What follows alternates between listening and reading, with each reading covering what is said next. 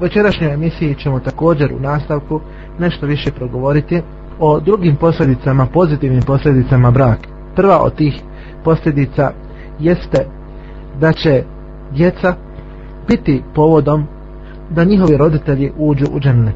Znači, ako čovjek želi zalaganje na budućem svijetu, ako želi šefat, poslanika, vjerovjesnika, moći će to zadobiti. A moći će zadobiti također i šefat zalaganje svoje djece, jer je to navedeno u šerijatskim tekstovima, ispravnim kuransko-hadijskim tekstovima. Pitamo se kako će to sin ili kćerka uvesti svoga roditelja u džennet.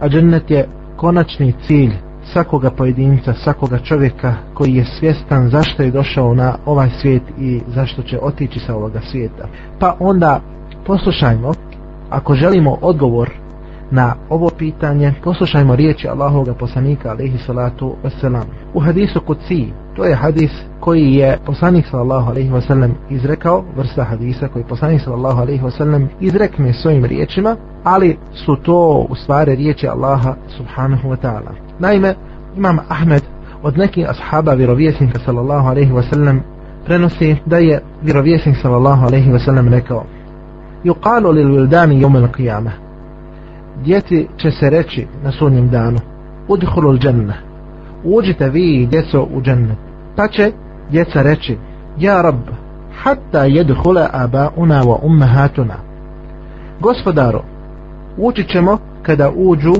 i naši očevi i naše majke pa kaže prinoslac hadisa onda će oni doći pa će reći Allah subhanahu wa ta'ala فيقول الله عز وجل mali erahum muhbenitin. Šta je s njima? Ja vidim da se oni ustručavaju ući u džennet. Uđite u džennet. Pa će isto ova djeca reći gospodaru abauna wa ummahatuna. Naši roditelji, naši očevi i naše majke čekamo i njih da uđu. Znači to se smjenjuje iz generacije u generaciju. Pa će Allah subhanahu wa ta'ala reći udhulu džennete entum wa abaukum. Uđite u džennet vi i vaše roditelje. Dolazimo do sljedeće tematike a to je da neki ljudi žele da budu pokorni Allahu subhanahu wa ta'ala. Žele da se predaju ibadetu, robovanju Allahu subhanahu wa ta'ala. Žele da služe Allahu subhanahu wa ta'ala. Žele da u jednom smislu riječi postanu možda neki isposnici, askete, monasi i tako dalje. Žele da ostave brak. A dokaz za to im je njihova želja da se približavaju Allahu subhanahu wa ta'ala. Pa ćemo zato spomenuti dva haditha od poslanika sallallahu alaihi wa sallam kako bi mi svi naučili ono čemu nas je vjerovjesnik alaihi salatu wa sallam podučavao kako bi slijedili njegov sunnet pa ćemo znači to spomenuti u nekoliko kratkih fraza odnosno rečenica Draga braćo, večeras što ćemo reći da nestupanje u brak radi posvećivanja isposništvu, asketizmu, monaštvu je suprotno sunnetu poslanika alihi salatu wasalam. Znači, dragi brate, poštovane sestro, ukoliko ne stupaš u brak, kako bi se posvetio ili posvetila robovanju Allahu subhanahu wa ta'ala, to je suprotno sunnetu Allahoga poslanika sallallahu alaihi wa sallam, tačnije njegovoj praksi. Znači, naša vjera nije samo vjera posvećivanja ibadetu u smislu da se čovjek izdvoji od drugih ljudi i da samo spominje riječi koji su Bogu ugodne tako dalje. Jer poslanik alaihi salatu wasalam nam to nije dozvolio, nego Islam se ogleda u tome da čovjek ima ispravan nijet, da ispravno robuje Allah subhanahu wa ta'ala, pa čak i čovjekove obične stvari iz njegova života, kada mu je nijet njegov ispravan, mogu postati ibadet. Kao što smo prošli put navodili hadis od poslanika sallallahu alaihi wa sallam, kada kaže u fi bud'i ehadikum sadaka. I za spolni odnos postoji sadaka, odnosno nagrada. To su riječi poslanika, alaih salatu wasalam. Znači, pa su se ashabe radijallahu anhum tome začudili. rekavši Allahu poslanić, neko od nas upražnjava svoju strast, zato ima nagradu. Pa je poslanik sallallahu alejhi ve sellem rekao šta mislite kada bi čovjek upražnjavao tu strast u onome što mu je zabranjeno, da li bi imao za to teret, da li bi za to bio odgovoran pred Allahom subhanahu wa ta'ala, kaže Allahu poslanik sallallahu alejhi ve sellem da čovjek ima nagradu kada prilazi svoje supruzi, kada stupa u spolni odnos, jer je to također vid ibadeta. Tako znači sva djela koja su u kontekstu robovanja Allahu subhanahu wa ta'ala mogu se pretvoriti iz onih običnih adeta, običnih stvari u ibadet. Samo ukoliko je čovjekov nijet, znači njegova iskrena namjera ispravna, to jeste ukoliko je samo radi Allaha subhanahu wa ta'ala. U hadisu kojeg prenosi Imam al-Bukhari od Enesa ibn Malika radijallahu anhu prenosi se da je rečeno Poslaniku alaihi salatu wasalam su došla trojica ljudi odnosno tačnije njegovim suprogama vjerovjesnika alaihi salatu wasalam majkama vjernika i onda su pitali majke vjernika o ibadetu odnosno robovanju poslanika sallallahu alaihi wasallam Allahu subhanahu wa ta'ala. Pa kada su oni obavješni o tome o poslaniku sallallahu alaihi wasallam ibadetu kaže se u hadisu oni su to smatrali mizernim kao da su pocijenili ono što je poslanik sallallahu alaihi wasallam radio od robovanja Allahu subhanahu wa ta'ala.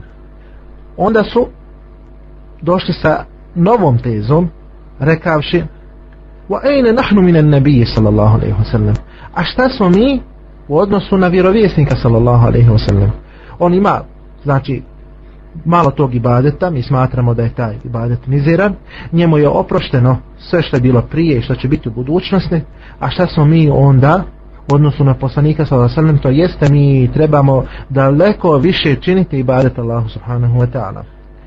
فقد غفر الله ما تقدم من ذنبه وما تأخر الله mu je oprostio sve prijašnje i buduće grijehe pa je jedan rekao nakon toga emma ene fa usalli lejle abadan što se mene tiče ja ću za uvijek klanjati noć znači neću spavati nego ću cijelu noć provoditi u ibadetu Allahu subhanahu wa ta'ala klanjajući drugi čovjek je rekao ene asumu dehra wala uftir ja ću zauvijek tokom cijele godine postiti i nikada neću prekidati post tokom cijele godine Treći je rekao, ene a tezilun nisa, ja ću izbjegavati žene, to jeste neću stupati u spolni odnos sa njima, i nikada također neću se više ni ženiti. Pa je umeđu vremenu došao Allahu poslanik alaihi salatu wasalam i rekao Entumu ledine kultum keda wa keda Jeste li vi oni koji su rekli to i to? Pa su rekli tako nam Allaha jesmo. Pa je poslanik alaihi salatu wasalam rekao tako mi Allaha inni le ahšakum lillahi wa etkakum leh. Tako mi Allaha ja se od vas najviše pribojama Allaha subhanahu wa ta'ala najviše se bojim Allaha subhanahu wa ta'ala wa etkakum leh ja sam najbogobojazniji od svih vas u drugoj predaji stoji wala fahr nema nikakoga tu veličanja ja se time ne ističem nego samo donosim ispravnu konstataciju. Kako mi je rečeno objavom da Allah subhanahu wa ta'ala. Ja sam od vas najbogobojazniji i ja se od vas najviše pribojam Allaha subhanahu wa ta'ala. Walakinni asumu wa uftir. Ali ja u isto vrijeme i postim ali prekidam post. Znači ne postim tokom cijele godine. Wa usalli a također i klanjam. Wa arkud i također ja spavam wa atazawwaju an-nisa ja stupam u spolni odnos sa ženama. faman raghiba an sunnati falaysa minni i tada poslanik alejhi salatu vesselam e, daje nam naznaku donosi jednu frazu koja se često kod nas opetuje i ponavlja. femena ragibe an sunneti frejse mini a onaj koji izbjegava moj sunnet on nije od mene. Znajmo znači da je poslanik sallallahu alaihi wasallam ove riječi koji izbjegava moj sunnet nije od mene izrekao u kontekstu ove trojice koji su se zakleli da će činiti ibadet Allahu subhanahu wa ta'ala ali uz izvjesno pretjerivanje pa je poslanik sallallahu alaihi wa sallam ovo strogo osudio i naveo svoj primjer. Allah subhanahu wa ta'ala u svojoj knjizi kaže da vi, to jeste mi kao muslimani, imamo najbolji uzor u Allahovom poslaniku. Inna lakum fi rasulillahi uswatun hasanatun liman kana yarju Allaha wal yawmal akhir. Za onoga koji se nada susretu sa Allahom subhanahu wa ta'ala i dolasku na sudnji dan wa dhakara Allaha kathira i za onoga koji uistinu mnoga Allaha subhanahu wa ta'ala spominje. Sada ćemo, dragi slušatelji, navesti jedan živi primjer, primjer iz života ashaba radijallahu anhum, praktični primjer. Poslanik alaihi salatu wasalam je naime potvrdio Selmanu al-Farisiju radijallahu anhu ono što je rekao svome bratu Ebu Eddardao. Znači, bila su dva brata muslimana, Selman al-Farisi i Ebu Eddarda. Ebu Darda je bio oženjen čovjek. Međutim, htio se posvetiti samo ibadetu i udaljiti se od svoje supruge. A Ummu Darda, supruga Ebu Darda, radijallahu anha, nam o tome govori, odnosno u predaj nam ona o tome priča. Tako prenosi Imam al-Bukhari od Vehba ibn Abdullaha radijallahu anhu da je vjerovjesnik alaih salatu wasalam pobratimio Selmana i Ebu Darda. Pa je jednoga dana Selman posjetio Ebu Darda. Ugledao je njegovu suprugu Ummu Darda kako na sebi ima odjeću koja nije bila odjeća sa ukrasima, nije imala nikakvu raskošnu odjeću. Njena odjeća je bila mizjedna. Pa je upitao Selman, naše enuki, šta je s tobom? Pa je rekla, Ehuke Ebu Darda, lejse lehu hađetum fit dunja. Što se tiče tvoga brata Ebu Darda, on nema nikakve potrebe za ovim dunjalukom. Ona je ukazivala, znači, ovim riječima za dunjalukom, to jeste on nema nikakve potrebe za ženama, za spolnim odnosom i tako dalje. Jasumun nehar u jakumun lej. On posti danju, a noću klanja. Po cijelu noć provodi u klanjanju. Pa je Ebu Darda došao i onda mu je napravljena hrana od strane njegove supruge Ummu Darda, pa je rekao on Selmanu, koji je bio u njegovim gostima, kul fa inni saim, ti jedi, a ja postim. Pa je sam Selman rekao, ma ene bi akelin hatta te ja neću jesti dok ti ne budiš jeo. Ako ćeš ti jesti, ja ću jesti. Kada je došla noć, Ebu Darda je otišao da klanja. Pa mu je Selman, njegov prijatelj, rekao, nem fenam, spavaj, pa je i ovaj zaspao. A zatim je ustao nakon određenog vremena što se naspavao, otišao je da klanja.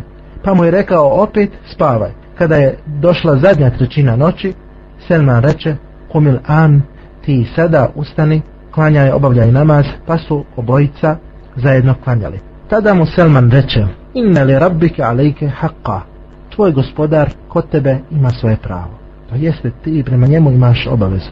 Wa inna li nefsike alejke haqqa, i ti imaš sam kod sebe svoje pravo. Wa inna li ahlika alejke haqqa, i tvoja porodica kod tebe ima tvoje pravo. To jeste, tvoja supruga ima kod tebe pravo da sa njom stupiš u spolni odnos. Fa a'ti kulle vi haqqin haqqahu i onda daj svakome njegovo pravo kojemu i pripada. Pa je Selman radijallahu anhu, neka je Allah subhanahu wa ta'ala sa njim zadovoljen, otišao vjerovjesniku alaihi salatu wasalam, pa mu je to spomenuo, pa je onda vjerovjesnik sallallahu alaihi wasallam rekao, sadaka Selman, u istinu je rekao istinu Selman. Neka je Allah subhanahu wa ta'ala s njime zadovoljan. Prenosi imam al-Bukhari od Abdullaha ibn Amra ibn al-Asa radijallahu anhu da je rekao, rekao je Allahu poslanik sallallahu alaihi wasallam, ja Abdallah, o Abdullahu, alam uhbar anneke tesumu nahara wa taqumu lejl. Zar nisam obavješten da ti danju postiš, a noću klanjaš, znači stalno u kontinuitetu, na file obavljaš, dnevno postiš, a noću stalno klanjaš. Pa sam rekao, kaže Abdullah ibn Amr ibn al-As, svakako Allahu poslaniće. Pa mu poslanik sallallahu alaihi wa sallam tada reče, la tef'al sum wa aftir. Nemoj to činiti, nego posti, a i prekidaj post. Jedan dan posti, drugi nemoj posti, i tako dalje. Wa kum onem, a obavljaj namaz, ali i spavaj noću. Fa inna li džesedike alejke haqqa, tvoje tijelo u istinu kod tebe ima pravo. wa inna li ajnike alejke haqqa u istinu kod tebe ima pravo i tvoje oko wa inna li zauđike alejke haqqa tvoja supruga kod tebe ima pravo potom ćemo draga braćo i poštovane sestre spomenuti nekoliko veoma važnih izrika koji su prenesene do nas od ashaba i tabeina najboljih generacija ovoga ummeta ovoga muslimanskog naroda a oni su svakako posticali na brak Imam al-Bukhari od Saida ibn Džubeira radijallahu anhu prenosi da mu je rekao Ibn Abbas Hel te zauvođite? Saide, jesi li se ti oženio? Pa je rekao ne. Pa je Abdullah ibn Abbas radijallahu anhu rekao فتزوج فإن خير هذه الأمة أكثرها نساء kaže ti se oženi jer najbolji pripadnici ovoga ummeta su oni koji imaju najviše žena od Abdullah ibn Mas'uda radijallahu anhu se prenosi da je rekao لو علمت أنه لم يبقى من أجلي إلا عشر ليال kada bi znao da do moje smrti nije ostalo još deset dana la ahbabtu an la yufariqani fihinna imra'a volio bih i da tih deset dana ne provedem bez žene. Također Imam Ahmed je upitan e juđeru ređelu a e jetija ahle da li čovjek ima nagradu kada prilazi svoje ženi? A ujedno nema strasti nema potrebe posebne zatim pa je rekao i vallah da u istinu tako mi Allaha ukoliko on tim odnosom želi zadobiti dijete wa illam yurid al walada yaqul ako ne želi dijete onda će reći hadi imra'atun shabba lima la yujar. Kaže ukoliko ima mladu ženu onda će sa njom stupiti u spolni odnos i tako udovoljiti strastima i zašto onda ne bi na takav način bio također nagrađen. Od Mejsere radijallahu anhu se prenosi da mu je ta vus rekao da tenki hanne eul ekulen ti ćeš se oženiti ili ću ja govoriti? Tebi ono što je rekao Omer radijallahu anhu jednom čovjeku koji se nazivao Ebu Ezzevaid ma jem min min nikahi illa ađzun aw fuđur ti ćeš se oženiti ili ću ja govoriti ne sprečavate da se oženiš osim tvoje nemoć ili tvoj razvrat. Znači ukoliko čovjek ne želi da se oženi govori da nema potrebu za ženitbom to je ili radi njegove nemoći ili zato što se čovjek posvetio odnosno predao onome što je Allahu subhanahu wa ta'ala mrsko, a to je blud, to je razvrat. Također prenosi se od Vehba ibn Munebbiha da mu se Allah subhanahu wa ta'ala smiluje da je rekao Mesalu l'azabi, mesalu šeđaratin fi felatin, jaklibuha rijahu, hakeda wa hakeda. Primjer onoga koji je neoženjen je kao primjer drveta koji se nalazi u pustinji i onda ga sam vjetar pokreće onako kako želi. Zatim, draga braćo, poštovane sestre, moramo znati da brak upravo postiče na obaranje pogleda i također brak naše srce zaokupira od onoga što je nepokornost Allahu subhanahu wa ta'ala odvraća nas od nepokornosti naše srce od nepokornosti Allahu subhanahu wa ta'ala i vodi nas ka pokornosti našem gospodaru jedan primjer primjer šehol Islama ibn Taymiye rahimehullahu ta'ala kada je upitan o čovjeku koji je zaokupiran različitim strastima to jeste šeitan ga je obuzeo kako da se čovjek jednostavno riješi tih strasti. Pa je odgovorio men esabehu džerhun mesmum onaj koga snađe ta bolest koga snađe taj ta strast misli se na strast bluda kako će on iz sebe izbaciti taj otrov i kako će ta njegova rana biti izliječena pa je rekao prvo da se čovjek oženi jer vjerovjesnik alaihi salatu wasalam kaže iza nazara ahadukum ila mahasin mra'atin farijati ahla fa innama ma'aha ma ma'aha. Kada neko od vas pogleda u ljepote nekakve žene znači koja nije sa njim u braku kada vidi u prolazu negdje nekakvu ženu pa vidi i uoči njene ljepote i to ga privuče sad ehlehu neka ode do svoje supruge neka ode do svoje porodice fa innema ma'aha ma ma'aha i onda neka svoju strast tamo ispolji na takav način kaže šehol islam tajmije onda će se smanjiti ta strast i također čovjek neće biti obuzet tim aškom, odnosno tom strašću. Zatim šehr Islam Ibn Taymi navodi drugi lijek, a to je da čovjek konstantno nastoji obavljati pet vakata namaza, da donosi dovo Allah subhanahu wa ta'ala, da bude pokoran Allah subhanahu wa ta'ala, da ga usredno moli i to posebno u zadnjoj trećini noći prije nastupanja samoga sabaha. Također njegov namaz mora biti sa prisutnim srcem i sa skrušenošću. Treba što više donositi dove govoreći ja mu kalibel kolube sebit kalbi ala dinik. O ti koji prevrčeš srca onako kako ti želiš učvrsti moje srce u tvojoj vjeri. Ja mu sarrif el kolube sarrif kalbi ila ta'atike wa ta'ati rasulik. O ti koji okrećeš srca usmjeravaš srca usmjeri moje srce ka tvoje pokornosti i pokornosti tvoga poslanika alaihi salatu wasalam kada čovjek bude ustrajan u toj dovi bude ustrajno predan, privržen Allahu subhanahu wa ta'ala, onda će Allah subhanahu wa ta'ala njegovo srce odvratiti od tih stvari. Kao što kaže uzvišeni za Jusuf a.s. kada ga je obuzela strast i kada su ga žene izazivale, to jeste pravile mu izazove kako bi on počinio ono što Allah subhanahu wa ta'ala ne voli, a to je blud. Kada li nasrifa anhu su il fahša innahu min ibadina al-muhlasin i tako mi od njega odvraćamo zlo i razvrat jer je on od naših robova koji su iskreni. Znači iskrena dova, iskreno obavljanje namaza, iskrena pokornost Allahu subhanahu wa ta'ala, iskreno obraćanje Allahu subhanahu wa ta'ala u određenim vremenima kao što je zadnja trećina noći sigurno će čovjeku biti Allahovom voljom od velike ispomoći da se čovjek riješi ovakvih smutni, sumnji koji pozivaju čovjeka na razvrat, odnosno na blud.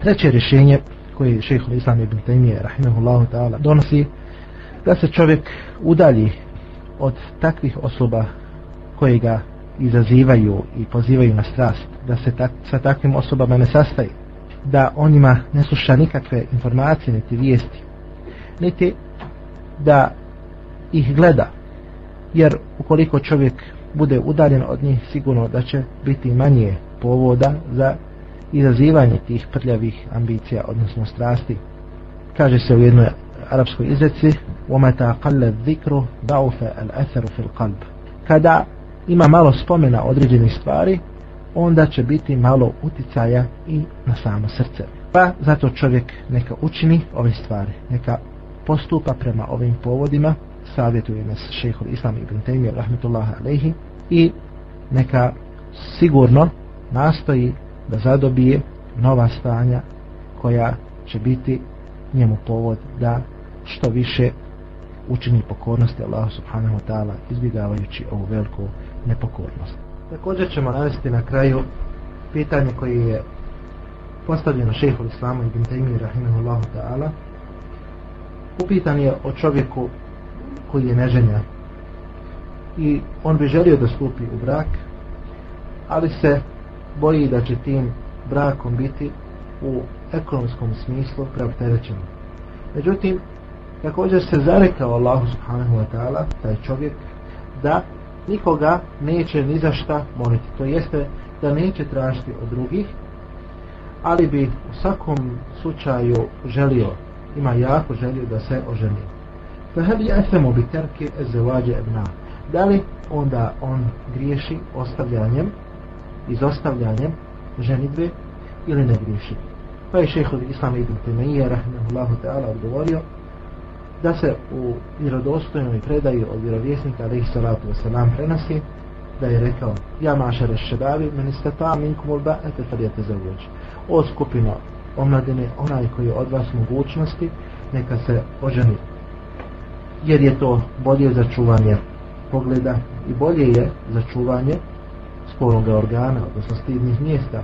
وَمَنْ لَمْ يَسْتَطِيَ فَعَلِهِ بِصَوْمِ فَإِنَّ لَهُ رِجَا Jer svakako onaj koji ne može da materijalno podnese brak, neka onda posti jer je u posto jedna vrsta zaštite. Kaže šehol Islam mi je mogućnost stupanja u brak podrazumijeva da čovjek ima materijalne mogućnosti, a ne da je mogućnosti da stupi u spolne odnose. Jer sam hadis poslanika sallallahu alaihi wa sallam je obraćanje onome koji mogućnosti da stupi u bračni spolni odnos, ali je naredio da onaj koji ne može da stupi u bračni odnos zbog materijalnih smetnji, da posti jer je postup zaštita. Zatim je postavljeno pitanje onaj koji nema imetka, da li mu je pohvalno da bi stupio u brak da posudi. To jeste, da li radi ženide da posudi novac, sredstva, pa kaže o tome ima razilaženje među samim učenjacima. Allah subhanahu wa ta'ala je aludirao na ovo pitanje i na ovaj odgovor rekavši وَلْيَسْتَعْفِفِ الَّذِينَ لَا يَجِدُونَ نِكَاحًا حَتَّى يُغْنِيهُمُ اللَّهُ مِنْ فَضْلِهِ i kaže neka budu čedne to jeste neka pričekaju neka ne teže za brakom i neka se sačuvaju oni koji ne mogu stupiti u brak zbog materijalnih mogućnosti sve dok im Allah ne dadne i dok ih Allah subhanahu wa ta'ala ne obogati iz svojih blagodati, odnosno posebnih vrijednosti umira. To jeste da im Allah subhanahu wa ta'ala ne podari imetak. Allah subhanahu wa ta'ala najbolji zna.